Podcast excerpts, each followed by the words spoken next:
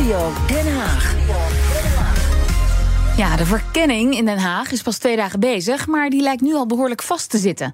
Een uitdaging dus voor de verkenner, Ronald Plasterk, die vandaag de zes midden- tot kleinere partijen ontvangt. En dat bespreken we met politiek verslaggever Mats Akkerman. Hey Mats. Hoe ver zijn we nu met de gesprekken? Uh, Thierry Baudet van Forum voor Democratie, die is net naar buiten gekomen. Uh, die is klaar. Uh, hij was de vijfde van de zes. Dus het zit er bijna op. Zometeen om half zes over een kwartiertje. Dan komt Esther Ouwehand nog van de Partij voor de Dieren. Ja, en verder hebben we dus vier partijen vandaag gezien: D66, de BBB, het CDA en de SP. Ja, we hoorden vanochtend Caroline van der Plas al. Zij wil praten over kabinetsdeelname. denk je dat ze de anderen daarin meekrijgt? Ja, dit, uh, die anderen hebben zich behoorlijk ingegraven. Hè. We zagen eerst de VVD die vrijdag met het nieuws kwam. Um, wij gaan misschien wel meepraten, maar we willen alleen gedogen een rechtskabinet. Mm -hmm. En NSC gisteren, die zeiden, nou, voorlopig kunnen wij nog geen gesprekken starten met uh, de PVV. En daarop deed Caroline van der Plas van de BBW deze oproep. Kom gewoon praten, weet je. Jullie zijn allemaal volwassen, uh, wij zijn allemaal volwassen. En uh, laat alle blokkades gewoon eventjes vallen voor dit gesprek. En dat zijn jullie gewoon verplicht aan de mensen in Nederland. Dat ben je gewoon verplicht. De burgers die zitten te wachten op iets constructiefs. En het is niet constructief nu. Dus ga op die uitnodiging in, alsjeblieft. Ja, ze, zei ook nog, ze ging ook nog in op een soort Twitter-ruzietje. Want Geert Wilders had ook gezegd dat hij een gesprek had gehad al met Pieter Omzicht. Dus hè, ze hadden al samen gezeten. En mm daar zei Van der Plas dit nog over. En we moeten ook ophouden met uh, op uh, Twitter met elkaar te praten. Want als je op Twitter met elkaar kan praten, kan je ook aan tafel praten. En dat heb ik liever. En ik vind ook.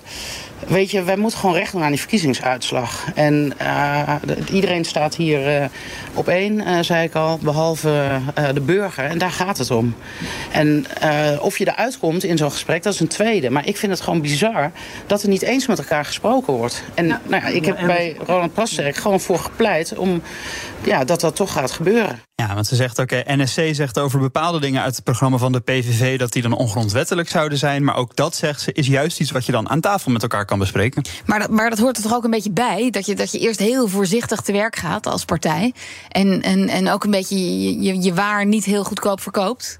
Zeker, maar het is, het is natuurlijk iedereen probeert de bal bij de ander neer te leggen. En dat kan ook wel een beetje overkomen alsof er een beetje politieke spelletjes worden gespeeld. En dat het meer om strategie gaat dan ja. echt om de inhoud. En dat is ook wat, wat Caroline van der Plas dan heel erg stoort. En die zegt daarom, ja, laten we daarmee stoppen en gewoon gaan praten. Ja, maar politieke spelletjes, het gaat ook over ongrond, ongrondwettelijke elementen uit een partijprogramma. Dat is niet echt een politiek spelletje. Nee, maar dat is wel iets waar je over kan praten met elkaar, wat je daarvan vindt. Zeker. Verder kwamen de drie tussen aanhalingstekens verliezers van de verkiezingen langs. De partijen die zetels verloren, D66, CDA en de SP. Hadden die nog iets te melden toen ze uit het gesprek kwamen? Ja, eigenlijk allemaal een beetje hetzelfde. Hè. Ons past op dit moment bescheidenheid. Vanochtend kwam Rob Jetten van D66 van 24 naar 10.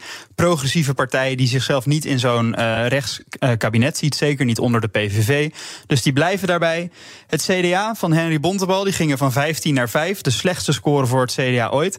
En die zei duidelijk, wij willen de oppositie in. In de eerste plaats uh, vind ik toch dat de partijen die het grootst zijn geworden... dat daar gewoon een grote, zware verantwoordelijkheid op rust... om met elkaar aan tafel te zitten en tot iets te komen. Dus dat is één. Um, uh, twee heb ik ook gezegd dat ik voor het CDA een oppositierol weggelegd zie. Uh, gelet op de verkiezingsuitslag denk ik niet dat het voor de hand ligt dat wij in een coalitie uh, deelnemen. En in de derde plaats heb ik ook gezegd dat uh, uh, ja, de, de, de uitspraken die ik zelf heb gedaan over het samenwerken met de PV in de coalitie, dat ik, dat ik daar aan vasthoud. Ja, dus dat is heel duidelijk. Uh, wij dachten ook, waarom heeft hij dan een uur binnen gezeten? Waarom duurde het zo lang? Maar Plasterk en Bontebal zijn allebei beta's. Dus we vermoeden dat het daar dan ook nog even over is gegaan. daar kan ik geen uitspraken over doen. Ik heb er wel een grapje over gemaakt. Over wat nou moeilijker was. Uh, de kwantumtheorie of hier een coalitie bouwen. daar waren we nog niet helemaal over uit. Nee, dat, nee, daar doe ik verder ja, geen uitspraak nou goed, dus dat was die Bontebal. En dan nog even kort ook de SP van 9 naar 5 of misschien zelfs 4 zetels. partijleider Lilian Marijnissen. Ons past vanzelfsprekend bescheiden Hè. We hebben de verkiezingen absoluut niet gewonnen. Hè. Dus ja, dat zal ook mijn boodschap zijn uh, zometeen aan meneer Plasterk. Maar ja, tegelijkertijd zie ik ook dat de grote problemen in het land om een oplossing schreeuwen gewoon. Dat het vertrouwen van mensen in de politiek is al historisch laag. Ja, daar draagt uh, zo'n proces natuurlijk niet echt uh, aan bij. Ja, kortom, de verliezers leggen de bal bij de winnaars. Dus die zeggen PVV, VVD, NSC en BBB uh, ga praten. Maar we bespraken het net al, die vier staan wel allemaal een beetje anders in de wedstrijd. Dus dat maakt het lastig. Dat maakt het lastig op dag twee. We spreken nu ook Anne Bos, onderzoeker bij het Centrum voor Parlementaire Geschiedenis van de Radboud Universiteit. En dat is de club die ook de evaluatie van de vorige formatie deed, die zo lang duurde. En die bijvoorbeeld uh, met de aanbeveling kwam om een verkenner te nemen met wat meer afstand tot de politiek. Goedemiddag. Goedemiddag. Ja, over die uh, adviezen moeten we het zeker ook nog even hebben. Eerste verkenning die nu uh, begonnen is. Heeft het ooit zo snel, zo vast al gezeten? Nou ja, of het nou helemaal vast zit, dat weet ik niet. We zijn eigenlijk nog maar net begonnen, hè? Maar het is wel zo dat het niet eerder zo'n ingewikkelde partijpolitieke situatie uh, is geweest. En ook niet dat we zo'n valse start hebben gehad. Nee, met, die, met Gom van Strien bedoelt u? Ja, ja. Maar Caroline van der Plas stelde voor dat PVV, VVD, NSC en BBB gewoon met elkaar moeten gaan praten. In plaats van meteen al uh, nou ja, landpaaltjes te, in de grond te tikken over gedogen. of weten wat het betekent dat de PVV dingen in de ijskast zet. Zou dat een goed idee zijn, ook al hoort dat er niet per se bij bij een verkenning? Nou, ik, ik weet niet waarom dat niet zou horen in een verkenningsfase. Kijk, de opdracht van de verkenner, uh, dus van Ronald Plasterk, is nu om te onderzoeken uh, welke combinaties mogelijk zijn. En daarover volgende week aan de Kamer te rapporteren. Uh, en in die fase zitten we dus nu. Maar ja, als de partijen in de tussentijd bij elkaar op de koffie gaan. om te bekijken of samenwerking mogelijk is, ja, dan kan dat natuurlijk. Dat kan, oké. Okay. Ja, ja, maar ja, forma als je wil gaan formeren op straat. ja, dan heeft dat natuurlijk niet zoveel succes. Dus als zo'n koffiemomentje ook meteen uh, in de openbaarheid komt, ja, dan loop je kans op mislukking. Nog voordat die onderhandelingen goed en wel zijn begonnen. Dus ik snap de terughoudendheid ook wel. Want elke verkenning is natuurlijk uniek, maar zijn er ook wel overeenkomsten met eerdere verkenningen en formaties?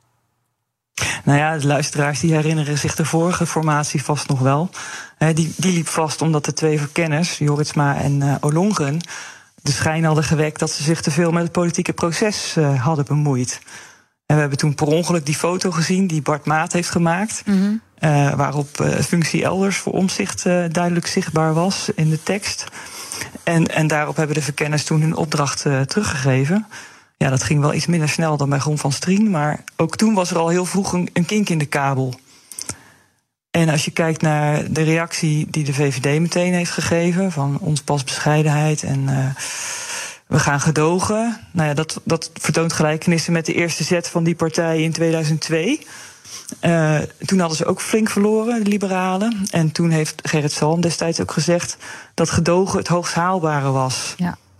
En, u heeft... en ook het CDA heeft zo gereageerd, hè? Ja, en de, de vorige, vorige, keer en ja. ook in 2010, hè, ons pas bescheidenheid. Maar ja, je, je ziet dus ook hè, dat het strategie kan zijn, even de kat uit de boom kijken uh, wonderlijke na zo'n electorale afstraffing. Maar het wil niet zeggen dat het, dat het standpunt in steen gehouden is en dat er niks meer kan veranderen. En draaien is wel mogelijk. Dat hebben we in de vorige situaties ook wel gezien.